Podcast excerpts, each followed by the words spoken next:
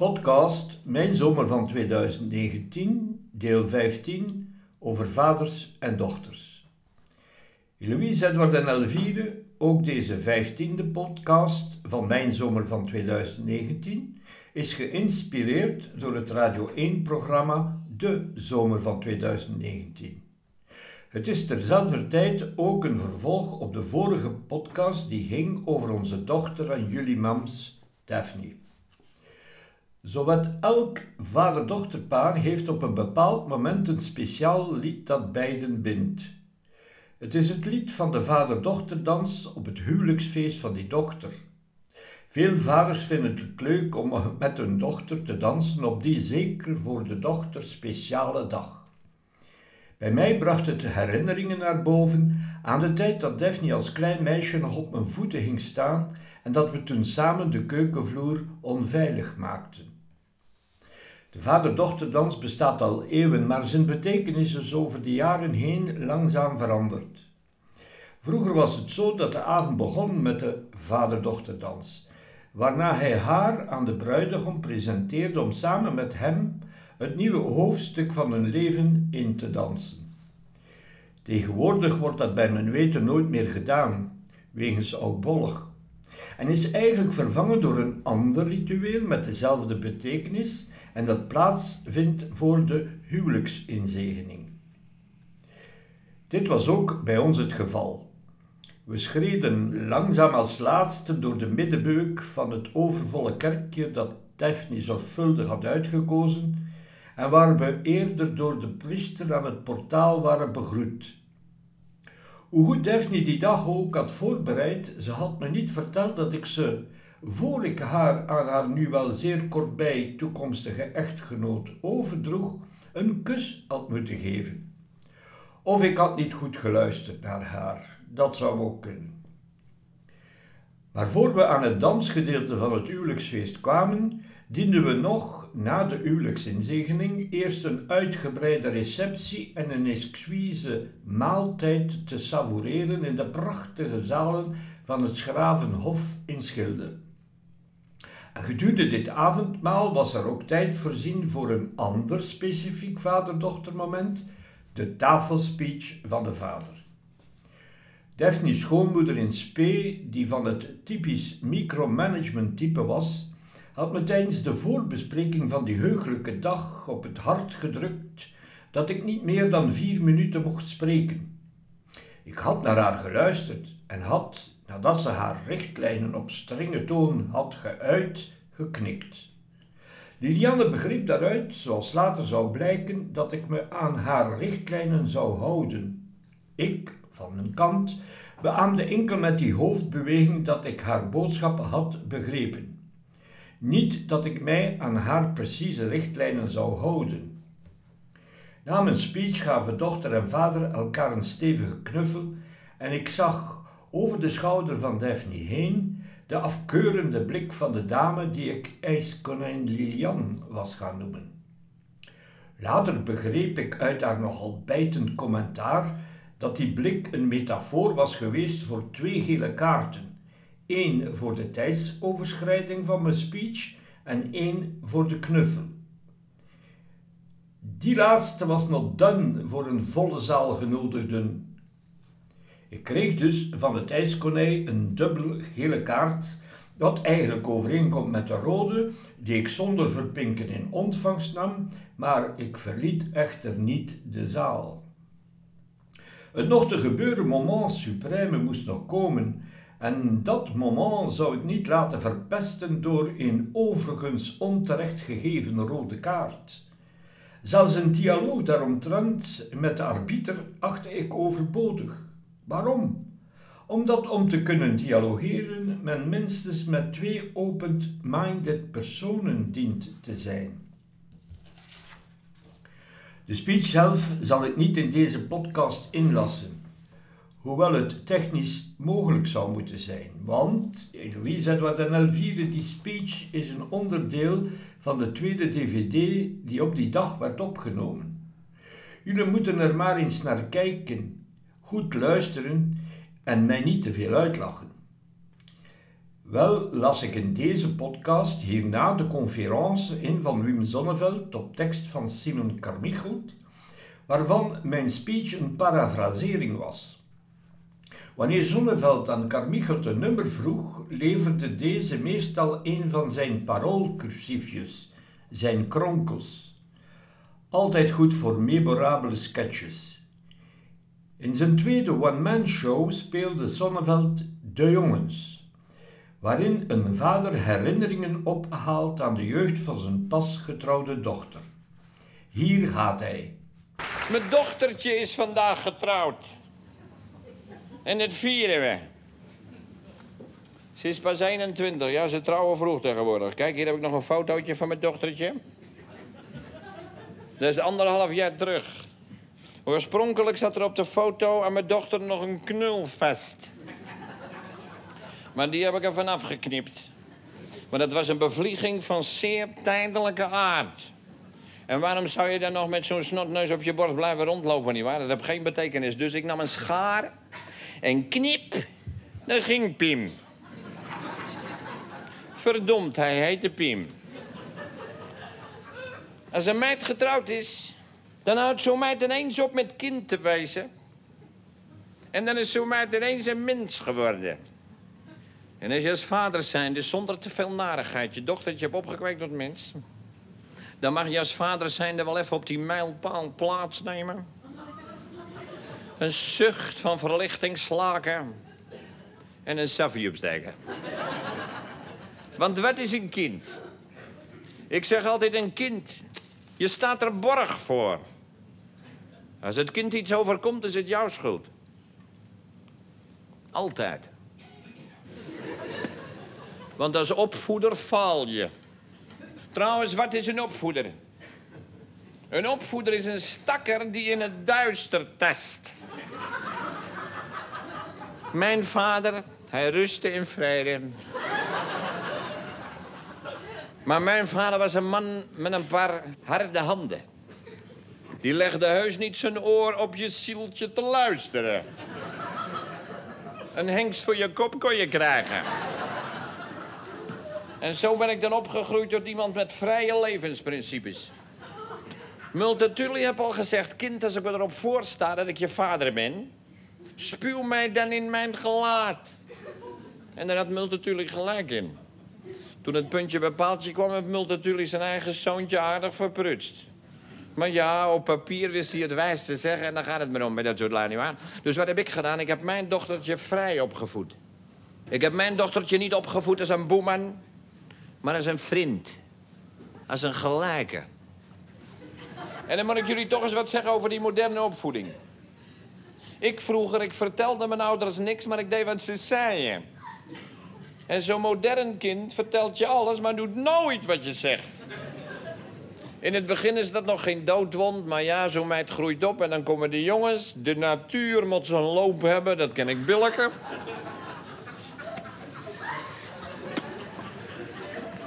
Ik weet het nog goed, ze was 14, toen komt ze thuis met een knul van 18. Oh, ik zag het zo. Een gluiperd van het zuiverste water. Ene Harry. Ik droom nog wel eens van hem als ik zwaar getafeld heb.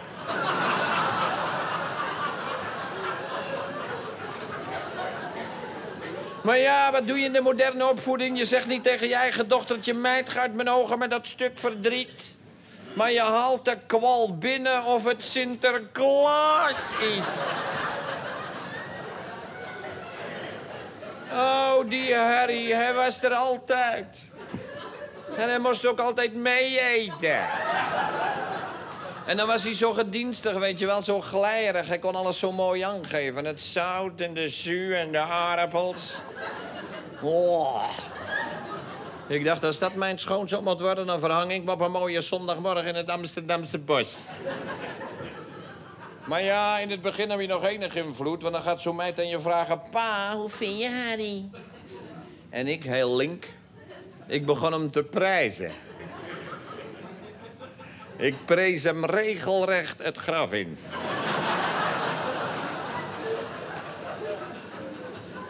Dat hij zo gedienstig was en dat hij alles zo lekker kon aangeven. En zo zaagde ik indirect de poten onder zijn stoel vandaan. Binnen een maand had ik hem plat. Dag Harry. Maar ja, Harry gaat, Piet komt. Piet gaat, Kees komt. Kees gaat, Nicky komt. En allemaal mee eten. Nou, ik heb wat voedsel verstrekt aan die knapen. Maar ja, je denkt ook bij je eigen rekken en erbij blijven.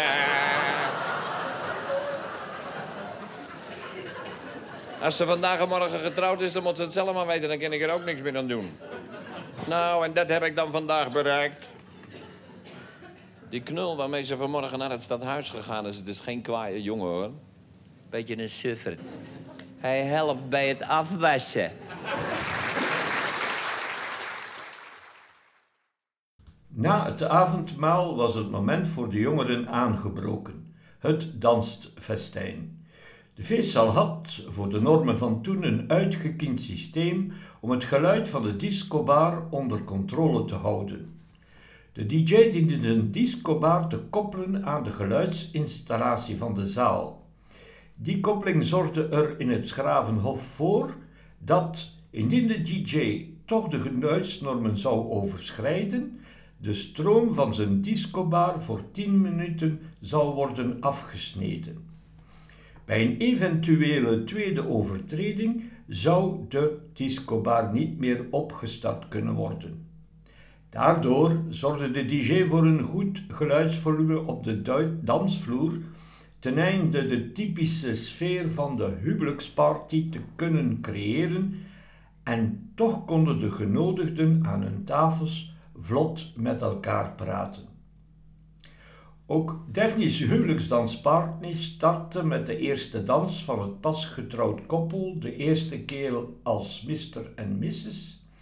En daarna was het onze beurt voor mijn enige in alle betekenissen van het woord vader- en dochterdans. Uiteraard is zo'n vader-dochterdans vaak emotioneel, omdat de vader zich uiteindelijk realiseert dat zijn kleine meisje groot geworden is. En juist daarom kon ik voor een lullaby, en wel voor deze van Billy Joel, Goodbye, My Angel. Dit lied heb ik vorig jaar ook genomineerd voor een uitzending van de zomer van 2018. Een uitzending waarbij actrice Marieke Dilles op zoek ging naar liedjes waar kinderen enthousiast over zijn, maar die eigenlijk geen kinderliedjes zijn. Voor ons is Lullaby, Good Night My Angel zo'n liedje. We lieten het bovendien ook horen bij elke doop van jullie drie, Eloïse, Edward en Elvire, want het is voor ons een verbindend lied. Dit maakt de tekst ook duidelijk. De eerste strofe gaat als volgt. Good night, my angel, time to close your eyes and save these questions for another day. I think I know what you've been asking me. I think you know what I've been trying to say. I promised I would never leave you. Then you should always know Wherever you may go, no matter where you are, I never will be far away. Het is inderdaad tijd dat mijn engel kiest voor haar toekomst. En hoewel we reeds veel hebben gepraat, is nog niet alles gezegd en gevraagd, wel het voornaamste. Bovendien kan men de toekomst toch niet voorspellen.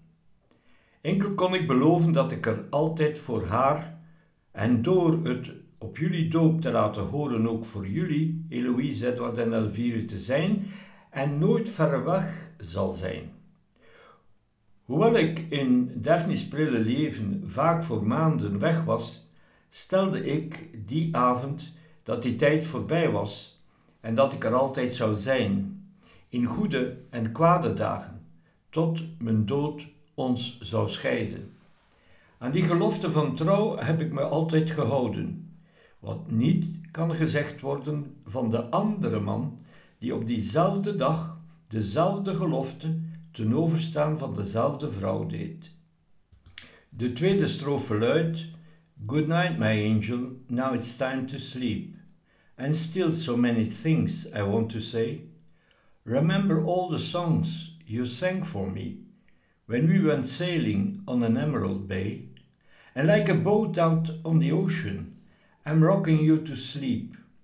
The water's dark and deep inside this ancient heart, you'll always be a part of me. Er is nog zoveel dat ik zou willen zeggen, maar herinner je de goede dagen die we hadden. Ik voel dat ik wat ouder word en dat het onvermijdelijke ooit zal gebeuren. Weet echter dat in mijn oude hart je altijd een deel van mij zal zijn.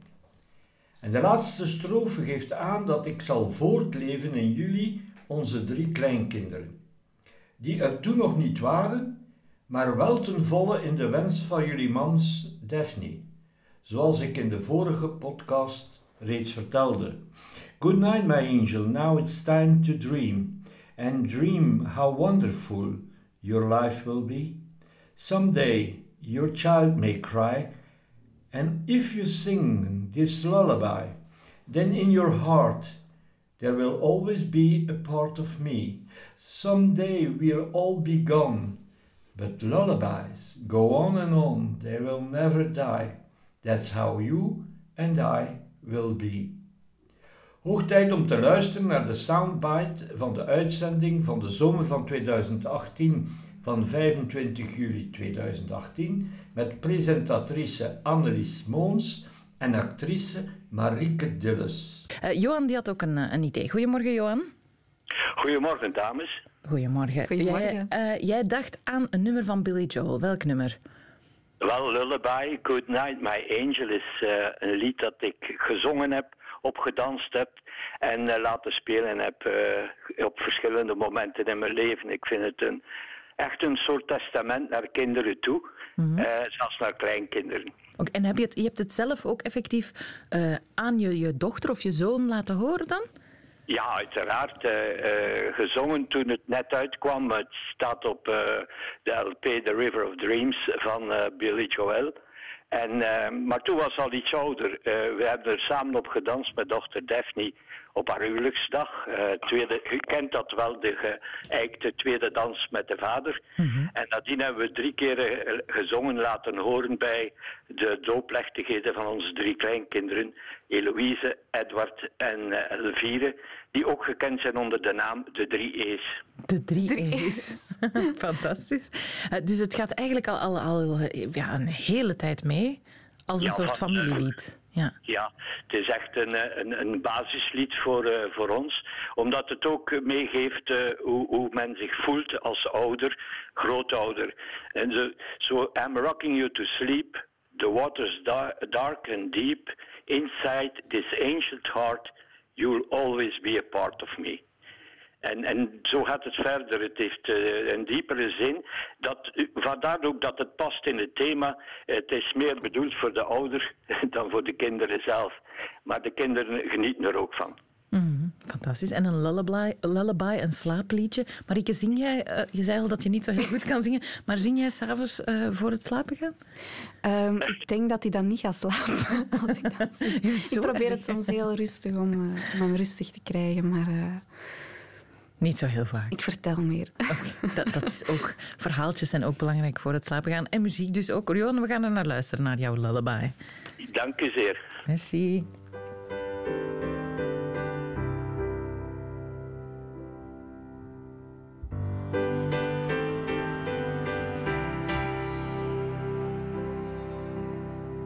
Good night, my angel, time to close your eyes and save these questions for another day.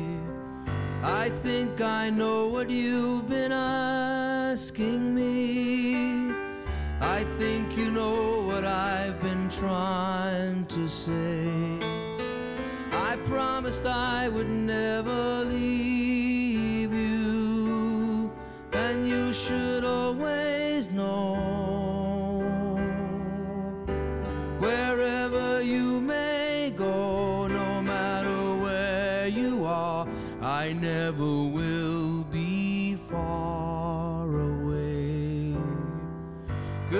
night, my angel. Now it's time to sleep.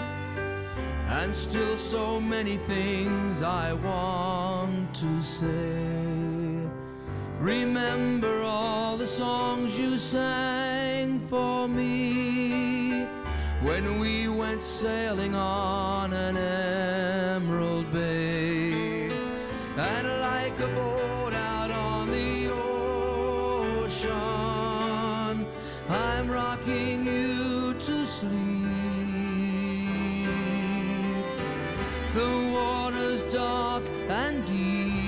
inside this ancient heart. You'll always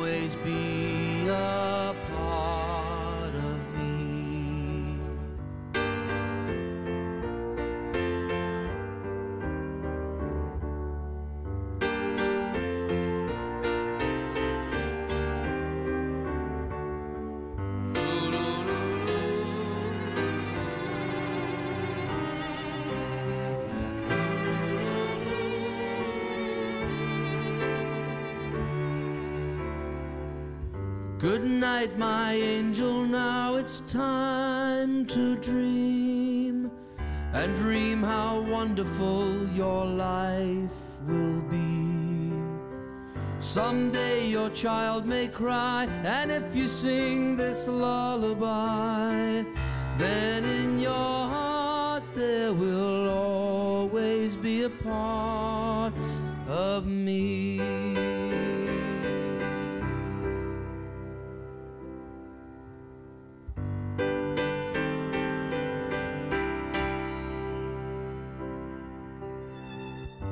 Someday we'll all be gone, but lullabies go on and on. They never die, that's how you and I will be.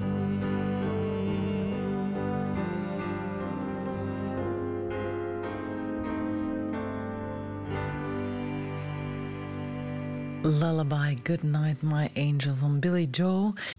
Rond de nationale feestdag van dit jaar, dus 21 juli 2019, waren er drie uitzendingen van het programma van Radio 1, de rode draad van deze podcastserie, waarvoor ik dezelfde song nomineerde. Het waren respectievelijk de uitzendingen van 19 juli, waarin Evi Gruijaert liedjes zocht over vloeken, 22 juli, waarin Bram van Parijs vrouwelijke singer-songwriters zocht, en 23 juli, waarin Jeroen Perceval songs zocht over moed en durf.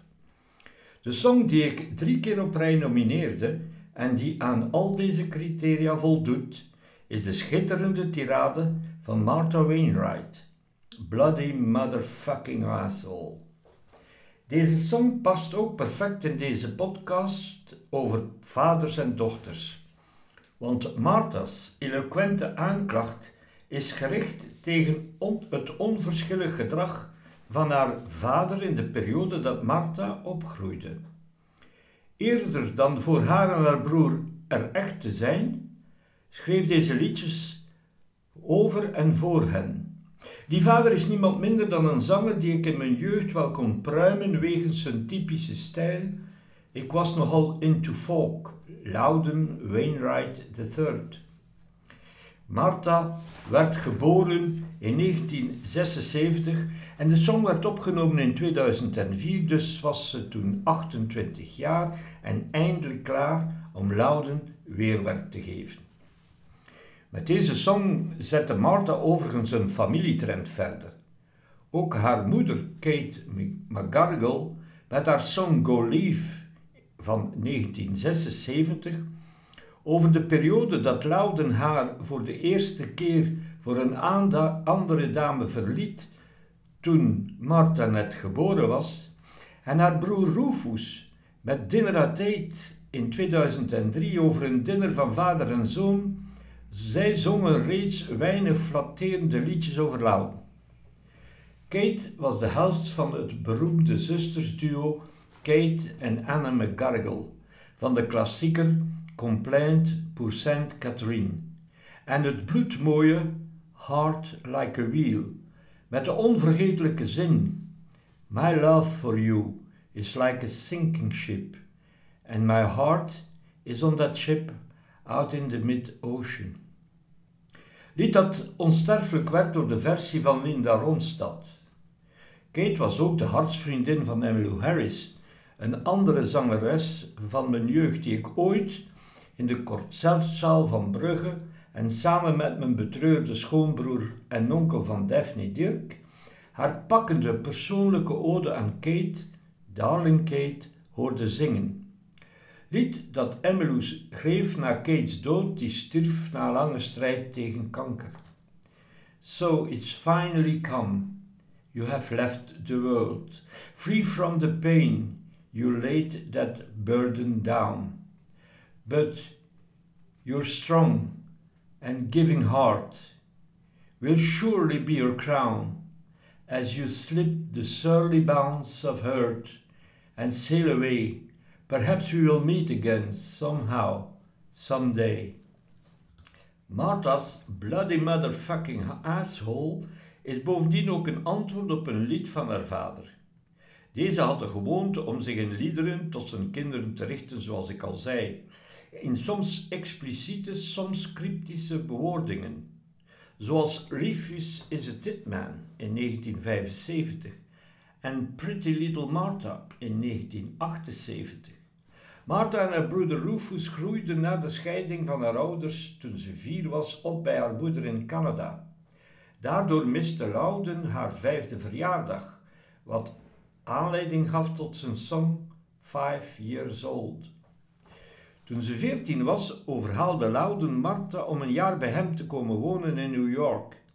Daar begon Martha een redelijk liederlijk leven dat haar onder meer haar unieke, door drank en sigaretten gevormde stem bezorgde.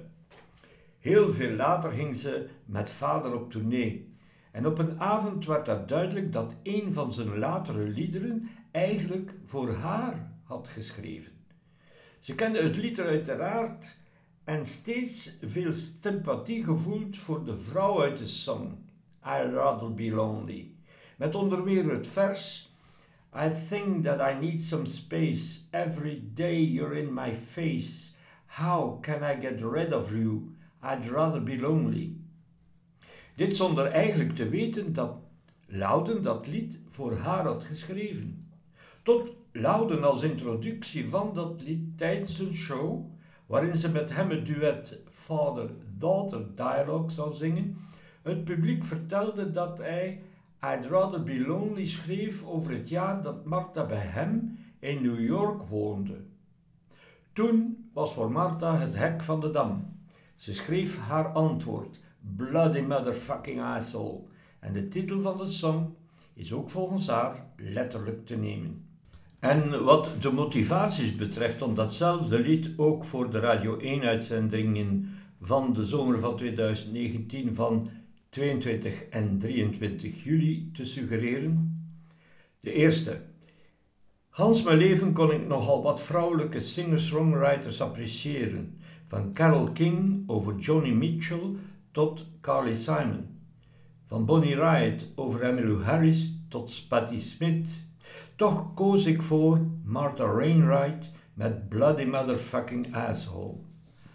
En de tweede, Martha uiteindelijk in 2004 de moed bijeengeraapt om haar nek uit te steken en gedurfd haar vader een stevige sneer uit de pan te geven. En dat lied als bijtend vitriool over hem uit te storten. De song treft in de onderbuik en met haar honingschorre stem verstoort Martha voortdurend de balans tussen innerlijke kracht en verdriet om de vader die ze hatend lief heeft. Het lied start sterk met het openingscouplet, dat meteen waarschuwt dat het hier niet om een liefdesgedicht gaat. Poetry is no place for a heart that's a whore. And I'm young and strong, but I feel old and tired, overfired.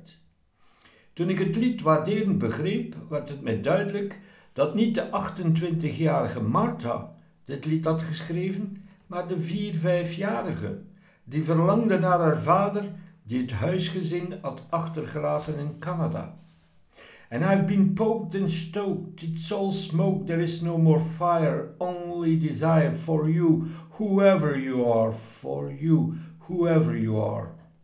Ze verlangt naar haar vader, wie hij ook mag zijn. Let wel, ze zingt niet wherever you are, maar whoever you are. Dit lied kwam bij mij sterk binnen, omdat ik even oud ben als Louden en ook een dochter heb. Bovendien was ik er in Atlanta, toen Daphne 24 jaar was, door een bevriend psychiater, Dr. Earl Fitz, eerder toevallig achtergekomen dat Daphne nog psychologisch de gevolgen droeg van het feit dat ik, toen zij 4, 5 jaar was, plots drie maand uit haar leven was verdwenen. En dit zonder dat ze echt begreep wat er gaande was. Ik was voor drie maand in rook opgegaan, doordat ik zo nodig de opstart van een zwavelzuureenheid in Vizag, Indië, diende te doen. Opstart waarover jullie Eloise Edward en Elvire in een andere podcast al konden horen. En de liedjestekst geeft ook aan dat het heel wat tijd vergde. Een incubatieperiode voordat Martha de moed en de kracht vond Louden van weerwerk te bieden. You say my time here has been some sort of joke, that I've been messing around, some sort of incubating period. For when I really come around, I'm cracking up. And you have no idea. Ook Louden had er blijkbaar geen idee van wat zijn gedrag aanrichtte. No idea how it feels to be on your own, in your own home, with the fucking phone and the mother of gloom in your bedroom, standing over your head, with her hand in your head. En dan voor de eerste keer het refrein. I will not pretend. I will not put on a smile. I will not say I'm alright for you. When all I wanted was to be good, to do everything in truth, to do everything in truth. De volgende strofe maakt duidelijk dat ze liever een man zou geweest zijn. Want dan zou ze eerder haar vader de Levieten gelezen hebben. Luister maar. Oh, I wish, I wish, I wish I was born a man, so I could learn how to stand up for myself, like those guys with guitars I've been watching in bars, who've been stamping their feet to a different beat, to a different beat, to a different beat. En het aan de ribben blijven kleven einde van het lied start met het herhalen van het refrein en het zetten van de puntjes op de i. I will not pretend, I will not put on a smile, I will not say I'm alright for you. Well, all I wanted was to be good, to do everything in truth, to be everything in truth.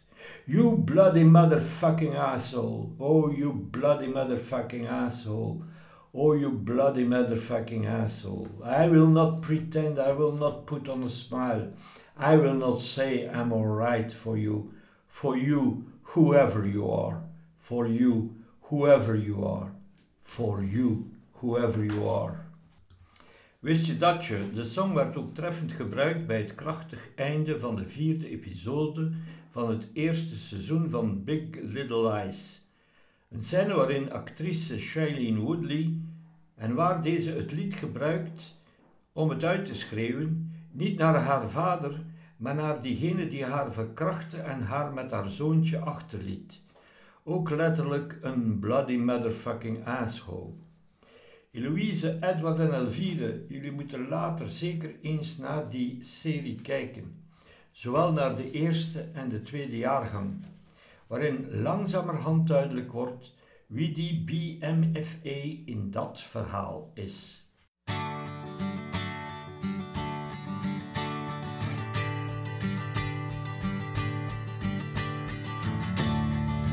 Poetry is no place for a heart that's a whore. And I'm young and I'm strong, but I feel old and tired. Overfired. And I've been poked and stoked, it's all smoke, there's no more fire, only desire for you, whoever you are.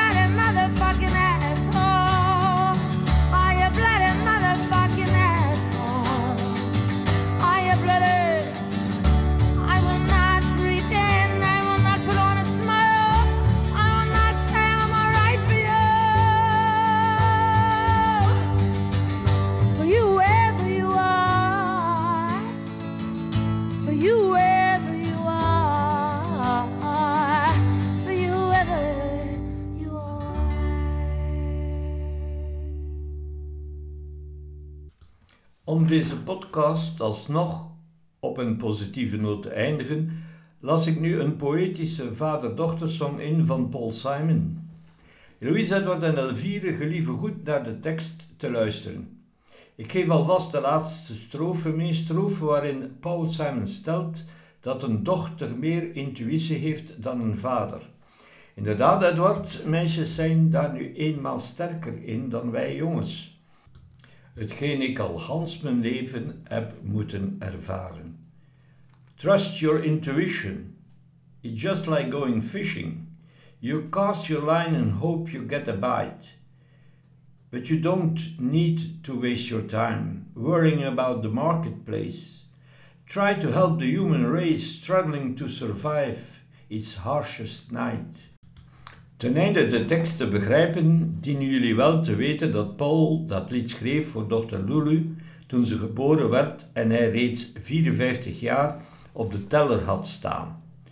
Dus kan ik die tekst misschien beter begrijpen, omdat ook ik datzelfde voel voor jullie, Eloïse, Edward en Elvire, als Paul voelde voor zijn kinderen.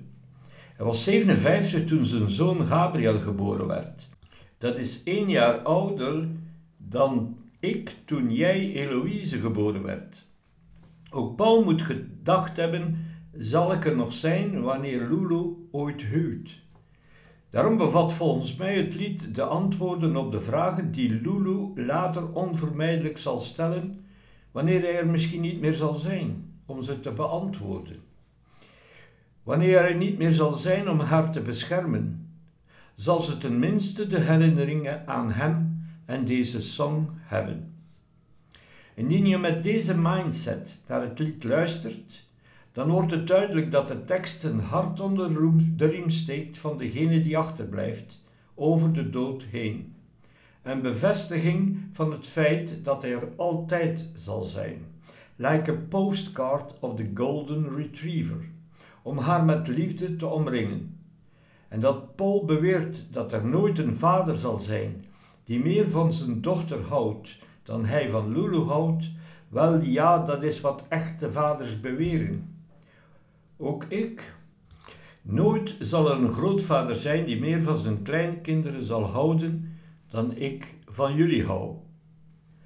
Paul Simon schreef zijn testament in dit lied. Ik schrijf mijn testament eigenlijk in mijn columns en spreek mijn testament uit in mijn podcasts.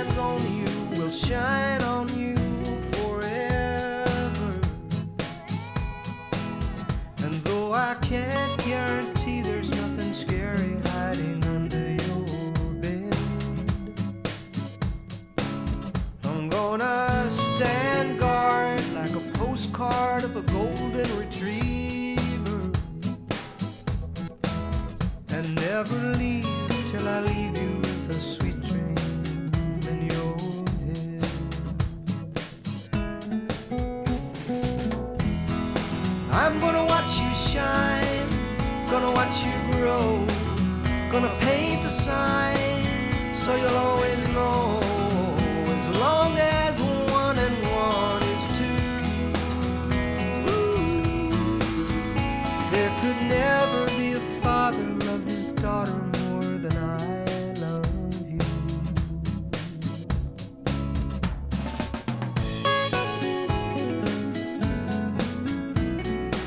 Trust your intuition, it's just like going fishing. You cast your line and hope you get a bite. But you don't need to waste your time worrying about the marketplace. Try to help the human race struggling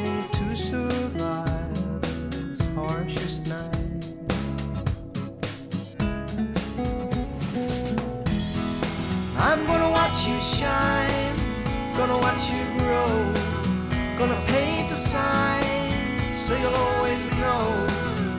So long as one and one is two, Ooh, there could never